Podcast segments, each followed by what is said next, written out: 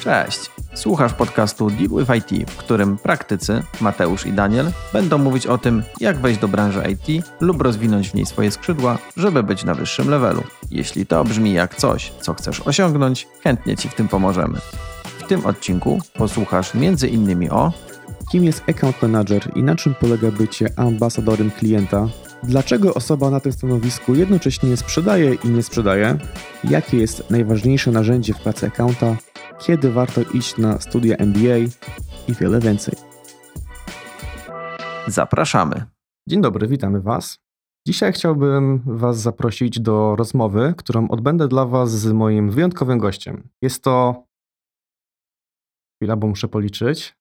Jest to aktor, lektor, przedsiębiorca, maratończyk, inżynier i senior account manager, z którym mam przyjemność pracować nad górą, Janek Marcinowski. Cześć Janku. Cześć, witam cię serdecznie. No, połowa tych rzeczy to kalumnie i, i szkalowanie, ale, ale dzięki bardzo. Jak właśnie słyszeliście, Janek jest zarówno skromnym człowiekiem, jak i człowiekiem wielu talentów, ale dzisiaj chcielibyśmy skupić się na tym talencie najbliżej IT i biznesu, czyli właśnie roli account managera, której mam przyjemność z Jankiem Nedguru współpracować.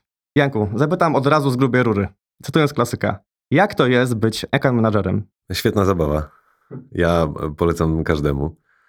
Jak to jest być e, account managerem? Wiesz, no to jest, to jest rola bycia ambasadorem tego śmiesznego kraju, jakim jest firma, w której się pracuje, w zupełnie innym kraju, jakim jest firma naszego klienta. Czyli w naszym kontekście mówimy o sytuacji, w której pracujesz w firmie usługowej, do której przychodzi potencjalnie firma produktowa, która jakąś usługę chce zamówić. No i oczywiście mówimy o software house, no bo to jest nasza tutaj sytuacja. Tak, no zwykło się mówić i myśleć o account managerach jako o osobach odpowiedzialnych za utrzymanie i relacje z istniejącymi klientami. Czyli jeżeli myślimy o procesie sprzedażowym, no to jest to osoba, która po tym pierwszym, że tak powiem, po pierwszych motylkach w brzuchu i po, po podpisaniu pierwszych umów przejmuje współpracę z klientem i dba o to, żeby jego E, oczekiwania były spełniane, mhm. więc na tym poziomie jesteśmy wspólni z sprzedażą. Natomiast jest to rola opierająca się na relacji i utrzymaniu klienta w długiej perspektywie czasu, co zupełnie zmienia optykę naszej pracy. Tak. Do tej pory w naszych odcinkach opowiadaliśmy o rolach sales managera. I rolą tego, te, tego człowieka jest zdobycie klienta, doprowadzenie do momentu, w którym klient podpisuje umowę na daną usługę czy dany projekt. Też mówiliśmy o project managerze, czyli o osobie, która już ten projekt przyjmuje i ma doprowadzić do jego powstania, tak żeby ten efekt był zgodny z oczekiwaniami.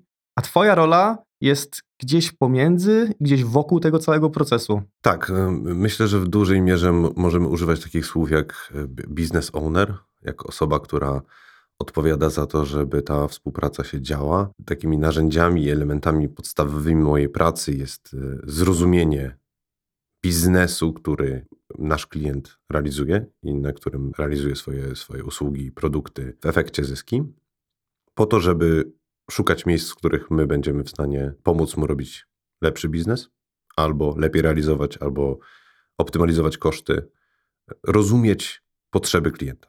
To brzmi bardzo trywialnie, jest to takie dosyć wyświechtane hasło, ale wbrew pozorom, jeżeli pomyślimy sobie, że pracujemy w firmie X i dostarczamy usługi na przykład w ramach software developmentu, no to taka firma ma małą wiedzę na temat, dajmy na to, hoteli i jak one działają i jakie wyzwania biznesowe, tudzież operacyjne przed taką firmą obsługującą hotele e, stoją. Każda branża ma swoje specyficzne, bardzo wymagające elementy.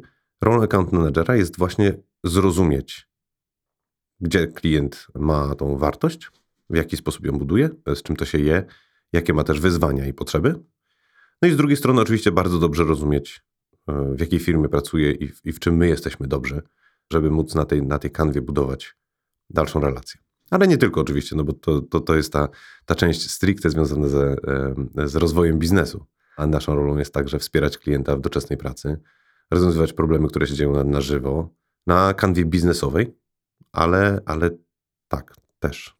Czyli jesteś osobą, która ma sprawić, że twój klient poczuje, że ktoś mnie słucha, ktoś mnie rozumie, a nie tylko ktoś, powiedzmy w cudzysłowie, dla mnie pracuje. Tak, zdecydowanie dokładnie tak jest. Klient musi mieć poczucie, że jest taka jedna osoba, która zawsze odbierze telefon, która rozumie kontekst, nie tylko kontekst projektu, ale też kontekst ich biznesu, która rozumie, w którą stronę dziś e, potrzebujemy realizować projekty i, i, i, i co jest dzisiaj dla nas ważne i która przejmie się. Powiedz, jaka jest twoja historia? Jak znalazłeś się w miejscu, w którym jesteś? Jakie kompetencje nabywałeś w swoich poprzednich doświadczeniach, które doprowadziły cię do tego miejsca i które teraz wykorzystujesz, żeby spełnić swoją rolę? Moja historia jest dosyć kręta. Rozpoczynałem e, moją karierę w Teatrze Jaracza w Łodzi, ale szybciutko założyłem e, agencję kreatywną Megot, która specjalizowała się w projektowaniu opakowań dla rynku FMCG, szeroko rozumianego. Także przez 9 lat byłem przedsiębiorcą, sam sobie żaglem starym i okrętem. I po tych 9 jest taki żart w marketingu, że w marketingu da się wytrzymać 10 lat. No to ja wytrzymałem 9. I po tym czasie stwierdziłem, że, że muszę, że jeżeli chcę się dalej rozwijać, to muszę dołączyć do jakiejś organizacji, w której będą ludzie, którzy, od których będę mógł się uczyć. No ale oprócz tego, że chcę się uczyć od tych ludzi, no to muszę też coś sobą zaprezentować i, i coś do tej, do tej całej układanki dodać. Doszedłem szybko do wniosku, że mm, tym miejscem, w którym ja jestem w stanie dać największą wartość, jest kreowanie biznesu.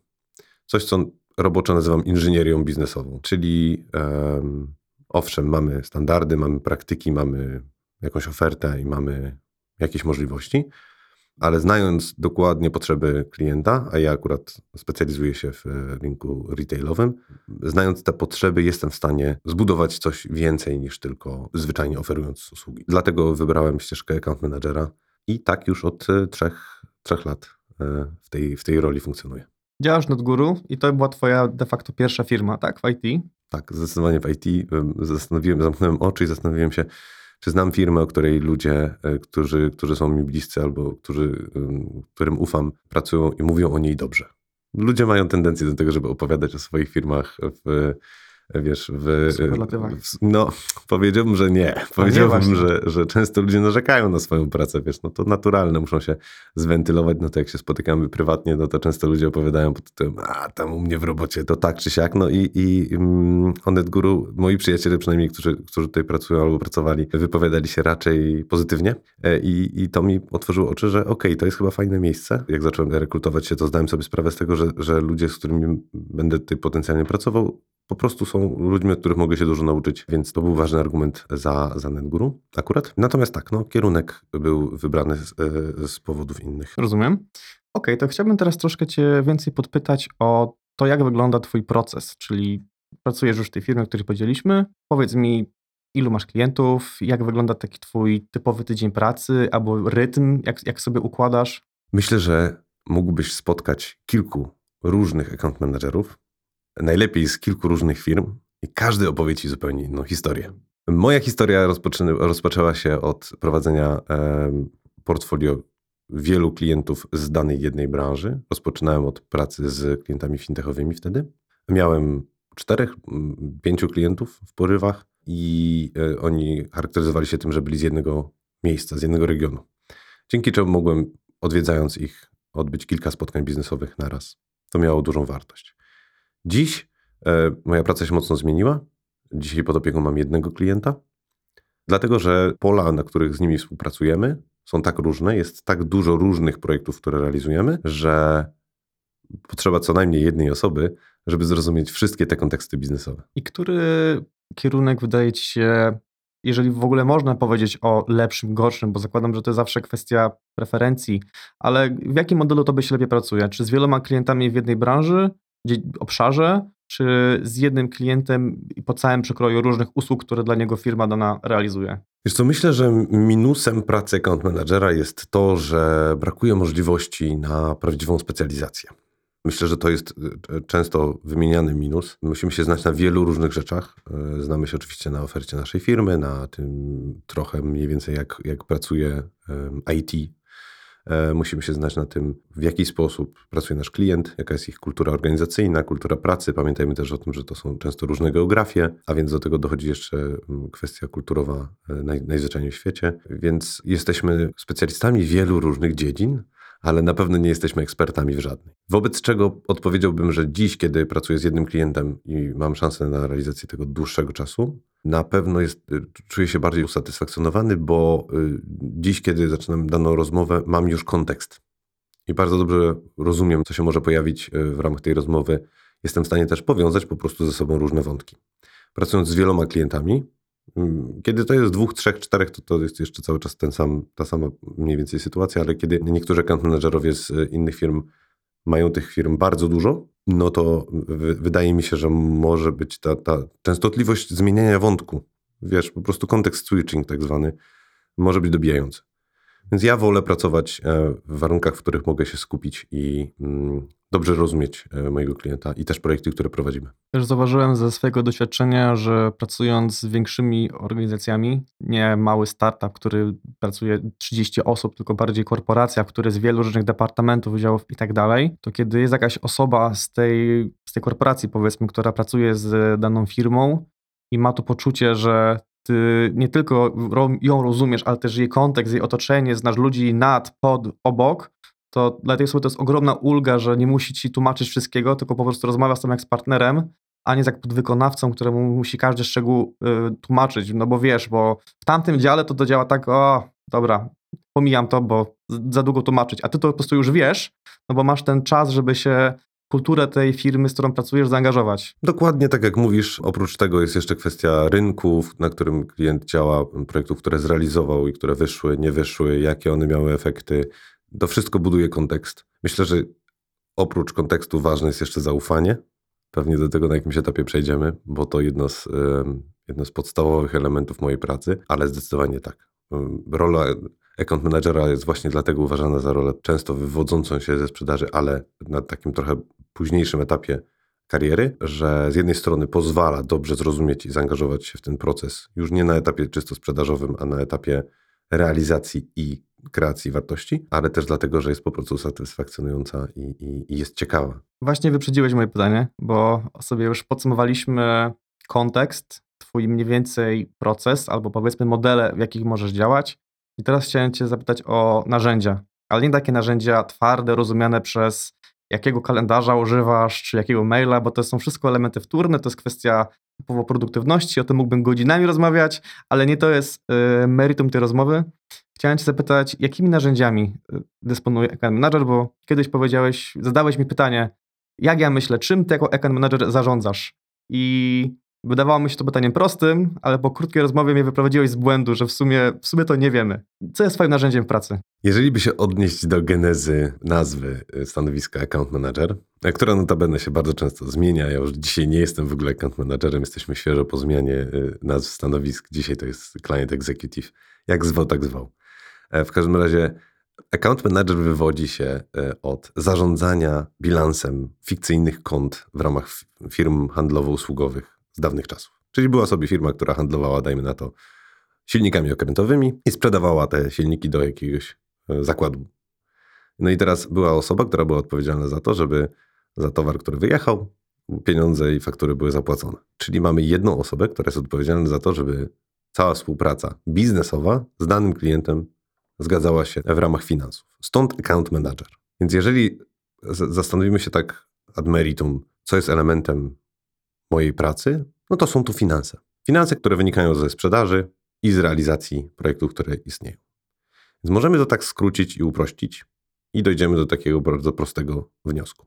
Natomiast jeżeli zaczniesz pytać mnie o narzędzia, a to bardzo celne pytanie, to okazuje się, że moimi narzędziami na poziomie oczywiście tym powierzchownym są takie rzeczy jak Todoist, e-mail, telefon komórkowy, nadal, tak, nawet w IT, ale też e, różnego rodzaju narzędzia frameworkowe typu strategia rozwoju klienta albo mapa stakeholderów. To już takie bardziej narzędzia, nazwijmy to, związane z kontekstem biznesowym. Ale na końcu wśród tych narzędzi jest właśnie zaufanie klienta, jest oddanie, jest spójność.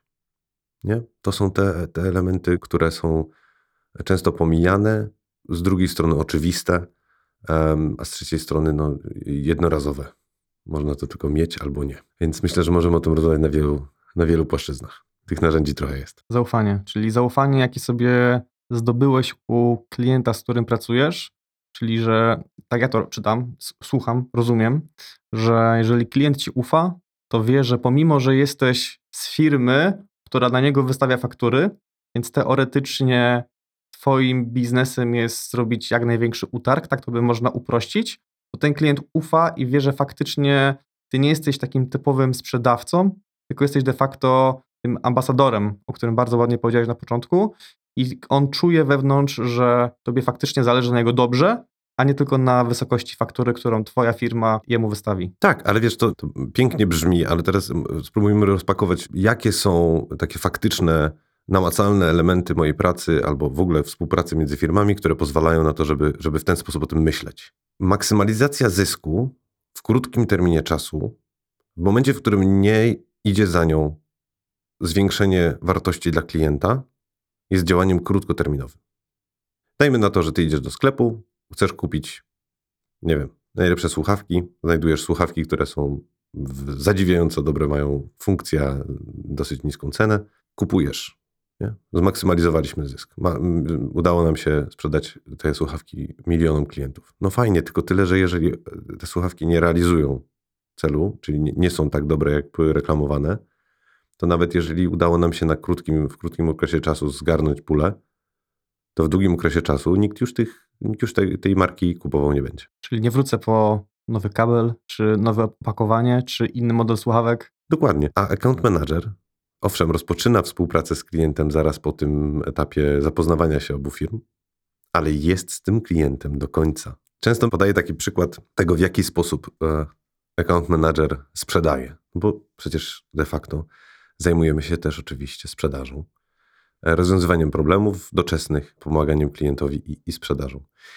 Myślę, że dobrym, dobrą metaforą tego, w jaki sposób account manager myśli o swojej pracy, jest wbrew pozorom rekrutowanie się do firmy e, klienta, gdzie ten klient jest naszym dobrym przyjacielem. Jeżeli zaczniesz o tym w ten sposób myśleć, no to tak. Po pierwsze, to jest twój dobry przyjaciel. Nie chcesz go stracić. Nie? Bo na szali jest więcej niż tylko dzisiejszy, jutrzejszy E, twój y, przychód. Na szali jest po prostu wasza znajomość, która w długiej perspektywie czasu jest więcej warta. Po drugie, powiesz temu kumplowi wszystko, co prawdziwe. Tak? Na tym się znam, w tym chętnie ci pomogę. Jasne, chętnie ci doradzę. Nie chcę, żebyś robił to z kimś innym, bo, bo po co, bo ja, bo ja mogę ci lepiej w tym doradzić. Ale na tych innych rzeczach się nie znam. Wiesz co, pogadaj z tym, pogadaj z tamtym. E, to w tych tematach y, wprowadziłbym cię w błąd, jeżeli bym powiedział, że dzisiaj to, że to ja. No i kolejny aspekt. Rekrutujesz sam siebie. To nie jest funkcja sprzedawcy, który dzisiaj opowiada jakieś e, bajki, a jutro znika. Account manager pracuje z klientem przez cały czas. Potencjalnie do końca współpracy. Wobec czego dzisiaj mogę Ci doradzić, e, żebyśmy zrealizowali projekt w ten sposób, ale jutro Ty przyjdziesz do mnie i powiesz mi, co na ten temat myślisz. Więc jeżeli tylko ja mam cień wątpliwości, czy nasz pomysł jest dobry, to zastanowi się trzy razy i jako, że jestem Twoim ambasadorem w mojej firmie, wiem, kogo zapytać o to, co jest prawdziwe i gdzie ta wartość tak naprawdę jest. Mhm.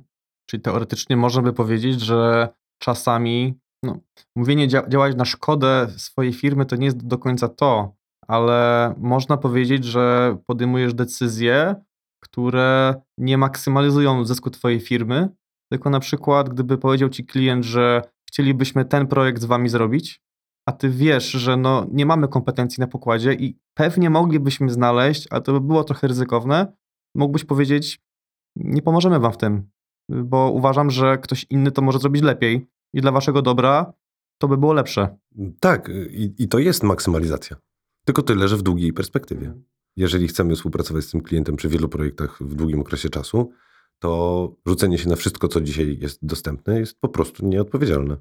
Więc absolutnie tak. Wielokrotnie zdarza się tak, że klient pyta nas o jakieś możliwości, a my mówimy, że w tym temacie po prostu najzwyczajniej w świecie nie jesteśmy najlepszymi, najlepszymi ekspertami. I to właśnie buduje to zaufanie, bo klient widzi, że to nie jest tak, że za wszelką cenę coś mu chcecie sprzedać. Tak, ale też zaufanie buduje się w trakcie realizacji projektów. To też trzeba pamiętać, że, że ten mój telefon jest dostępny 24 godziny na dobę, że ja przejmę się tym, e, e, z czym do mnie klient dzwoni, że w ramach projektów zdarzają się chwile piękne, jak oddanie jakiegoś e, kolejnego feature'a czy, czy fragmentu serwisu, ale też momenty, w których jest trudno. Momenty, w których deadline'y się nie spinają, w których mamy trudne dyskusje i trudne negocjacje, w tych sytuacjach wykuwa się też zaufanie. Jeżeli klient czuje, że, że dana sytuacja jest rozwiązana tak, żeby on nie utracił tej wartości i żeby dostał to, za co zapłacił, to, też jest absolutnie moja, moja rola i, i to tutaj też się buduje zaufanie. Ty przyszedłeś do pokoju account managerów z pokoju przedsiębiorców slash sprzedawców, no bo tak rozumiem twoją rolę, kiedy prowadziłeś swoją firmę. Te dwa pokoje są bardzo blisko. Bardzo blisko. I chciałem cię zapytać o to, jak uważasz, komu najłatwiej byłoby stać się account managerowi? Naszego podcastu raczej słuchają osoby, które dopiero myślą o tym, żeby do, do branży IT wejść, więc sporo z nich to mogą być dziennikarze, prawnicy, sprzedawcy, whatever. Komu myślisz byłoby najłatwiej? Albo jeżeli ciężko mówić o konkretnych zawodach, to może osobom z jakimi kompetencjami czy doświadczeniami według ciebie byłoby najłatwiej? Może twoją ścieżką, a może jakąś zupełnie inną? Znam wielu, bardzo wielu account managerów z różnych firm i nie znam jednej ścieżki. Każdy z nas przyszedł z zupełnie innego miejsca, z zupełnie innej branży. Byli deweloperzy, są ludzie po y, filologii, są, są tacy y, ludzie, którzy, którzy wcześniej byli przedsiębiorcami.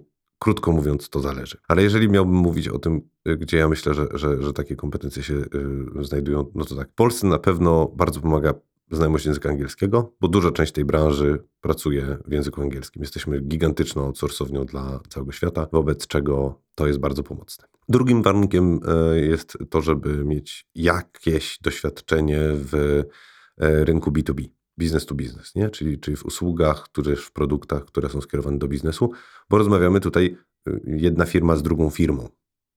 E, to jest troszkę inna rozmowa i inna forma e, komunikacji niż e, jeżeli ktoś ma doświadczenie na przykład tylko i wyłącznie w handlu takim detalicznym. Wydaje mi się, że to, że to by było trudne, ale tego się można absolutnie nauczyć. Natomiast nie uważam, żeby niezbędna była wiedza na temat samego rynku IT albo sposobów realizacji projektów. Bardzo to pomaga, umożliwia szybsze wdrożenie się w tą część ofertową firmy i rozmowę na takim trochę wyższym poziomie. Natomiast perspektywa zewnętrzna jest bardzo wartościowa.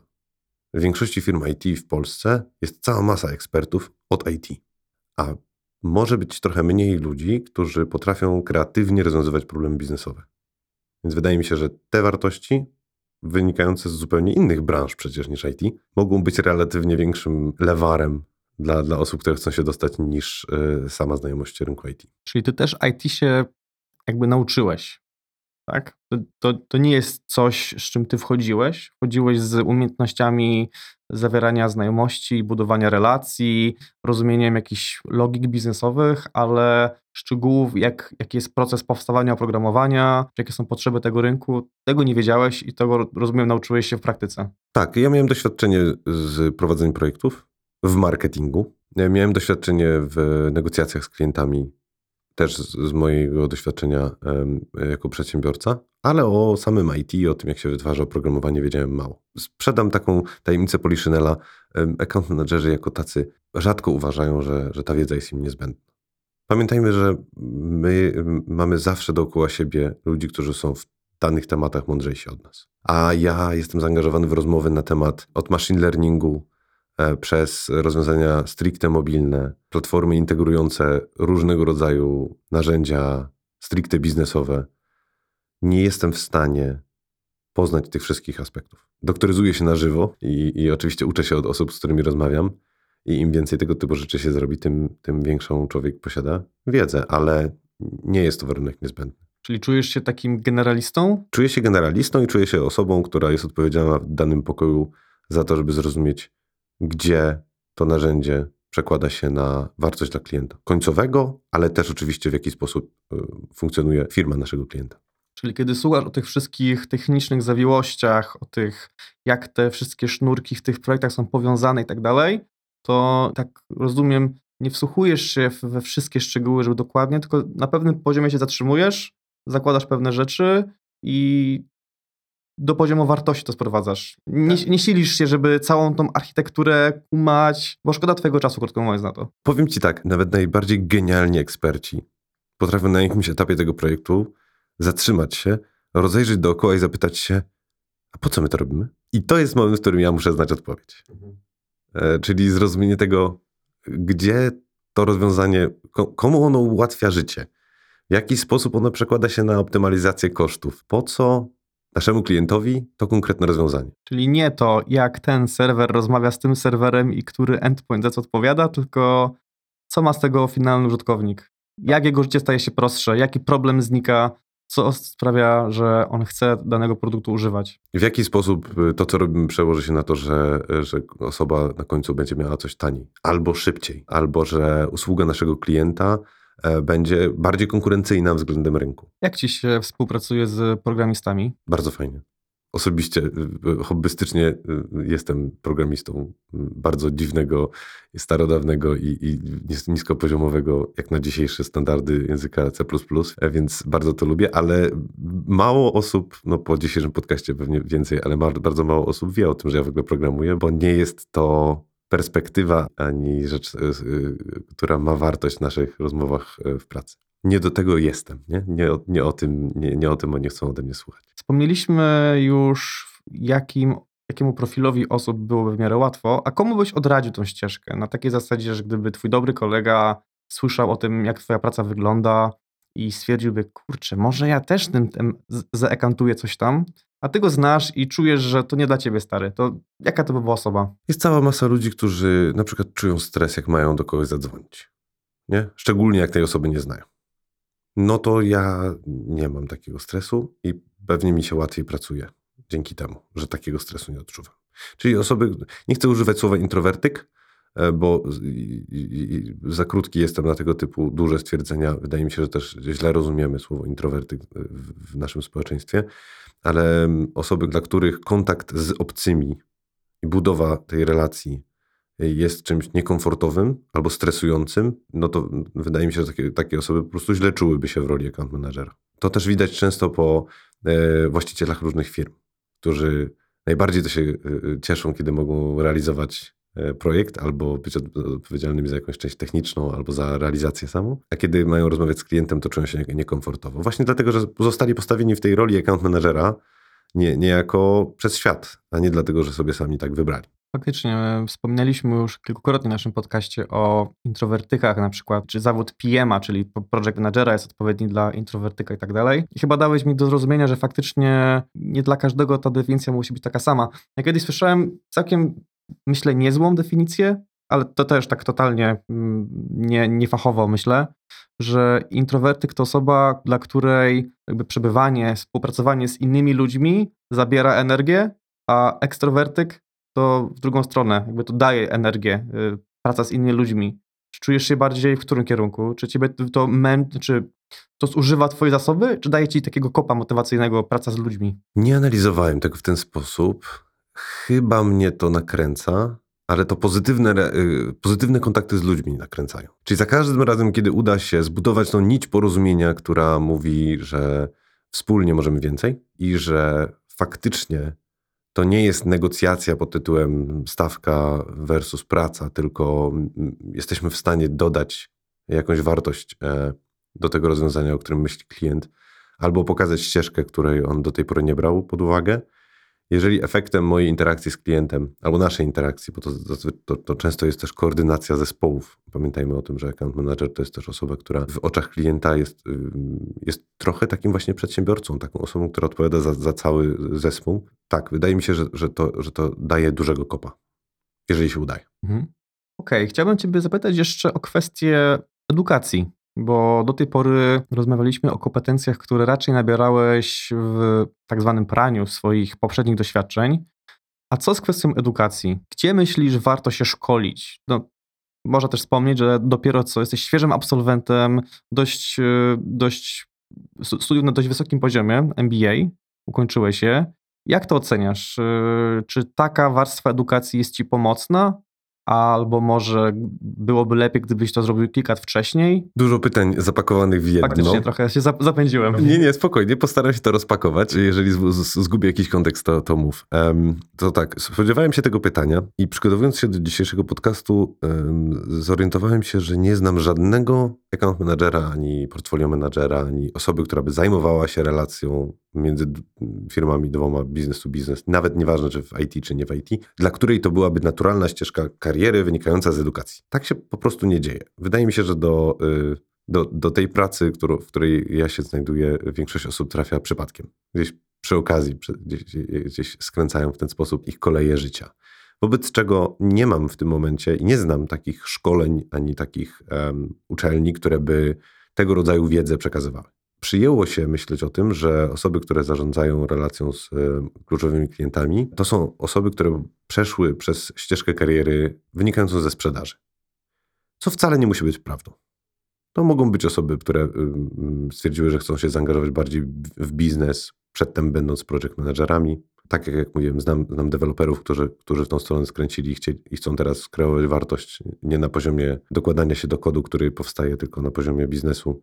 Te ścieżki są bardzo różne. Wydaje mi się, że najwięcej się człowiek uczy przez osmozę, wobec czego, jeżeli ktoś chce wylądować w, w, w takiej roli, warto jest rozpoczynać od ról stricte związanych ze sprzedażą, bo wtedy dobrze można zrozumieć to, tą rozmowę między potrzebami klienta i, i naszymi możliwościami. Dla osób, które dzisiaj ym, są w innych branżach, wydaje mi się, że, że ta rola też jest dobrym wejściem w IT.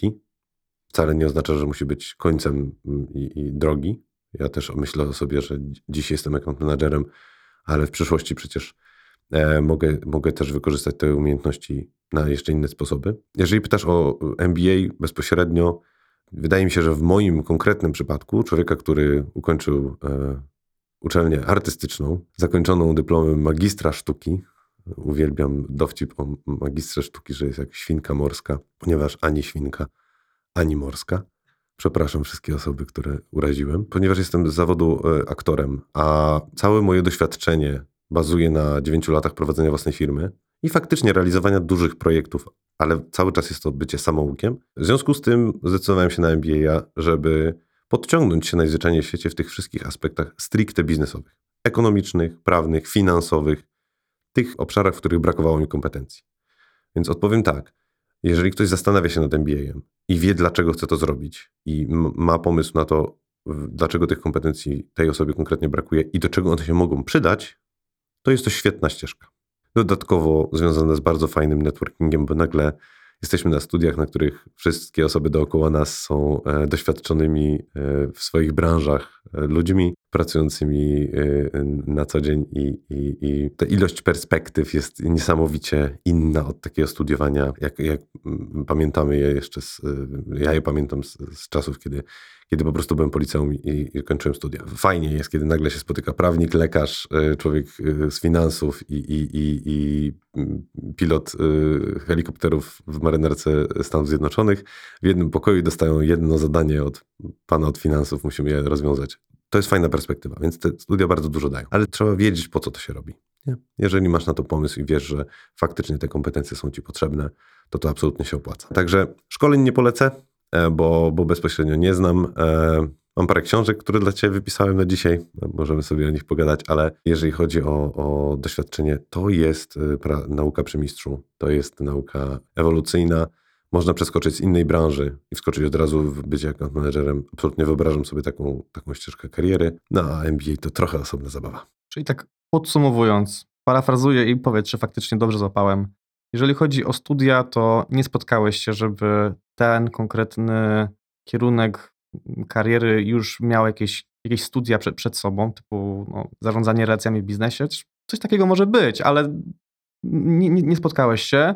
Szkolnie również, y, z Twojego doświadczenia i z osób, które Ty znasz, to wszyscy raczej uczyli się tego no, w tym praniu, mając już doświadczenia z innych y, obszarów, gdzie jako taki najłatwiejszy start, no to sprzedaż bo to jest taki najprostszy albo najbardziej jawny moment, gdzie faktycznie te potrzeby jednej strony spotykają się z propozycjami drugiej strony i trzeba się jakoś dogadać, czy to z perspektywy zamawiającego, czy z perspektywy usługodawcy, a MBA no to jest na, na tyle wysoki poziom, na tyle wymagające, że nie warto tam iść tylko po to, żeby mieć to w CVC, tylko trzeba mieć konkretny plan, jak sobie chcesz tym mm, pomóc w karierze i jak ją chcesz rozwijać. Tak, na pewno nie warto. To jest y, za drogie i, za dużo czasu zjada, żeby to zrobić tylko dla, dla CV.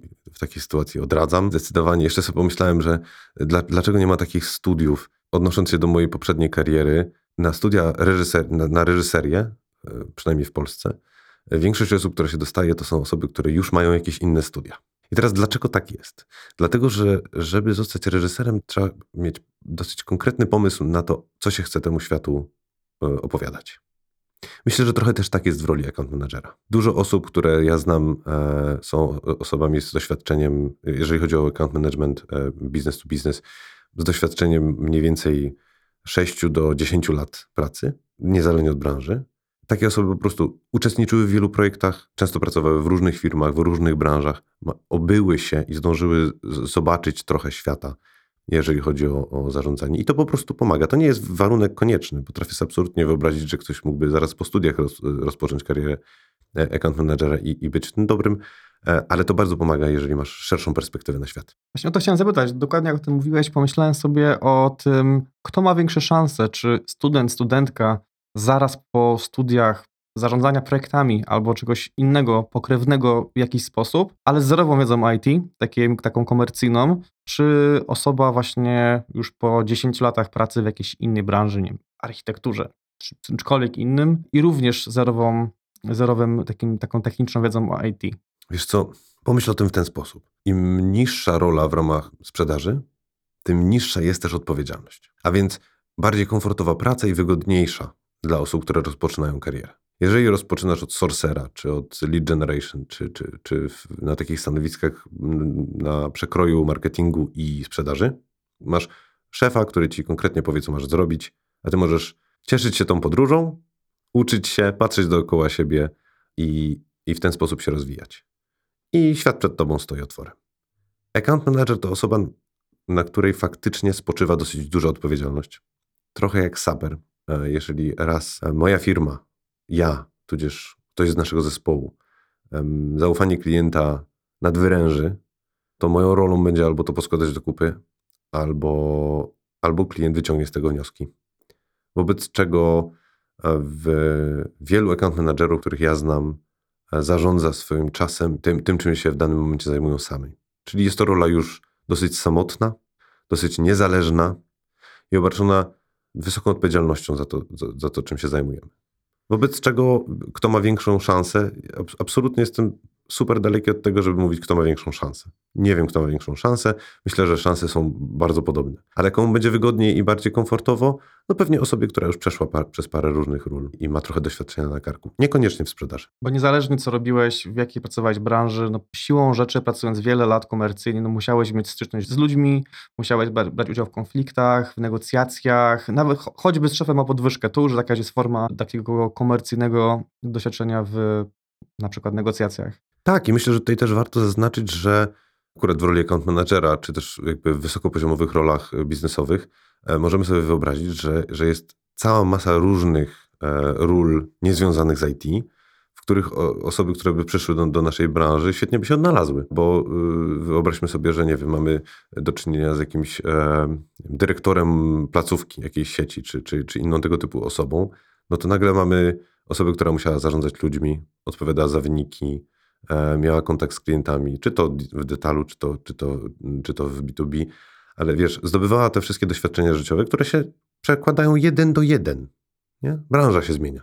Mhm, rozumiem. W takim razie, jeżeli to, o czym Janek mówił, czyli zarządzanie relacjami, budowanie zaufania, negocjacje, opieka nad klientem, reprezentowanie jego potrzeb y, w jakichś wewnętrznych strukturach, skupienie na wartości, a nie na koniecznie wszystkich technikaliach, jakie ją budują, myślenie o problemach, jakie się rozwiązuje, brzmi dla Was interesująco, to zachęcamy jeszcze do sprawdzenia naszego odcinku numer dwa, w którym mówiliśmy właśnie o sales managerach, bo z tego co tutaj rozmawiamy, to jest taki najprostszy punkt wejścia, żeby potem kierować swoją karierę w kierunku właśnie account managera.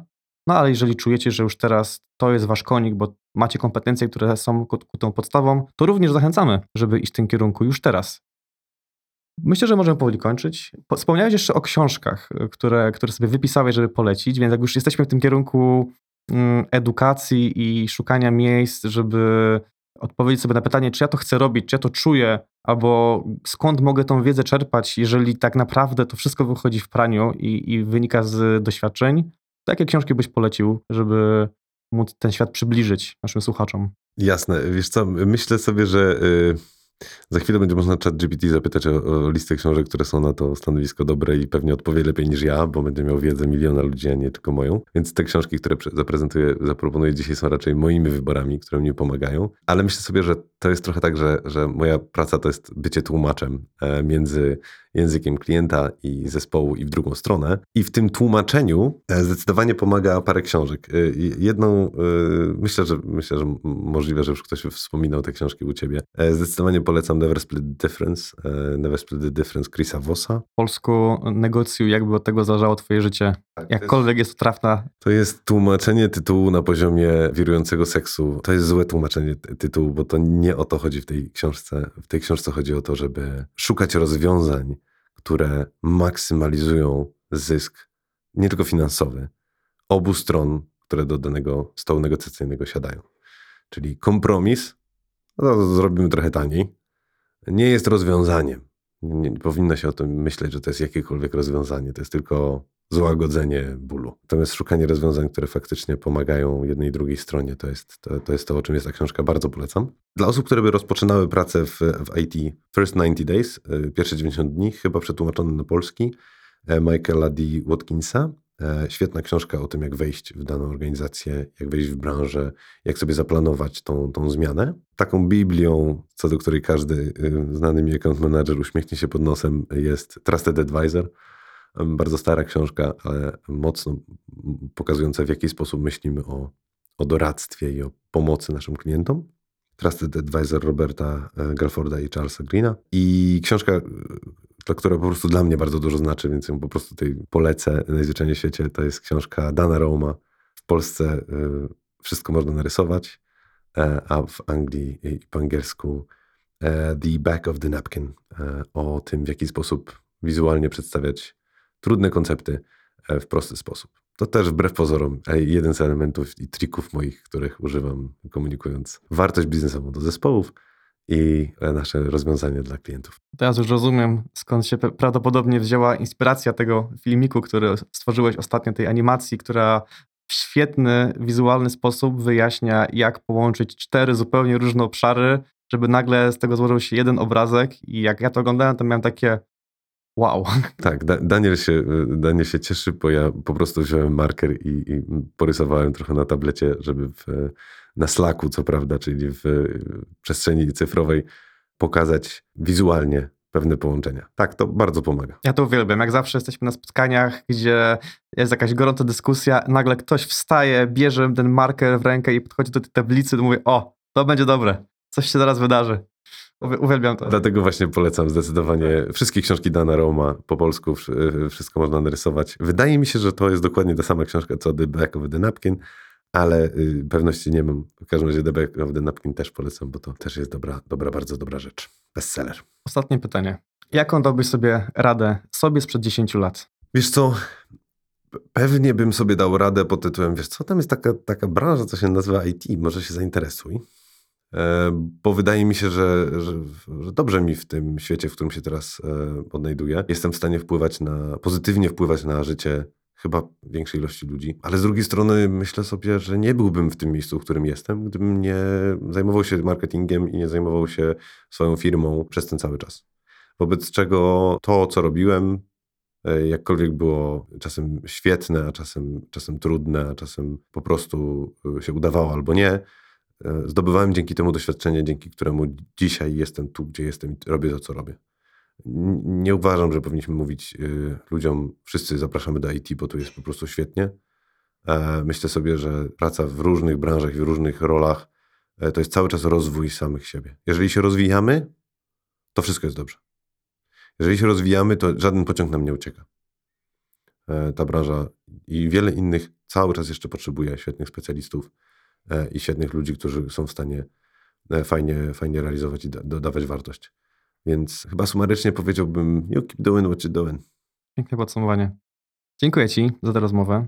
Dla naszych słuchaczy jeszcze chciałbym tylko przypomnieć, że e, w tym odcinku opowiadaliśmy tajniki i to, co stoi za frazą account manager, która jest rolą w wielu firmach na całym świecie, ale głównie IT, no bo o tym mówiliśmy w kontekście, ale także w naszym podcaście mogliście już o innych rolach usłyszeć, tak jak project manager, sales manager, HR manager, UX designer, UX researcher. Także jeżeli interesuje Was też przegląd innych ról, to zachęcam do sprawdzenia naszych innych odcinków, poprzednich albo i przyszłych, zależnie kiedy tego słuchacie. Standardowo zachęcam do subskrypcji. Jesteśmy na Apple Podcast, na Spotify'u, na YouTubie również.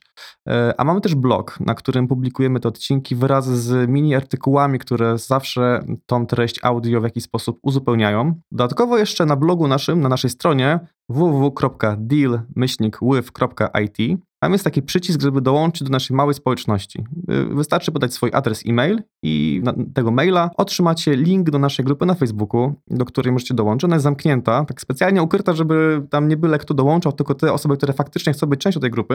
I to jest taka przestrzeń, w której zbieramy praktyków IT i każdy, dosłownie każdy może o cokolwiek zapytać, o jakąkolwiek rolę, radę, cokolwiek jest wam potrzebne, żeby iść dalej w tym kierunku. My z Mateuszem, jako prowadzący ten podcast, się obligujemy do odpowiedzi na każde pytanie, na pomoc w każdym temacie, więc zachęcamy do dołączenia do nas. No to co? Taka nagroda za to, że ktoś dosłuchał do końca. Dokładnie tak. Zapraszamy do grupy. Dokładnie tak. Dziękuję Cienku jeszcze raz. Mam nadzieję, że przybliżyliśmy też jakiejś części ludzi, czym jest ten tajemniczy EK Manager i zachęciliśmy do pójścia w tę stronę. Mam taką głęboką nadzieję i do zobaczenia na szlaku.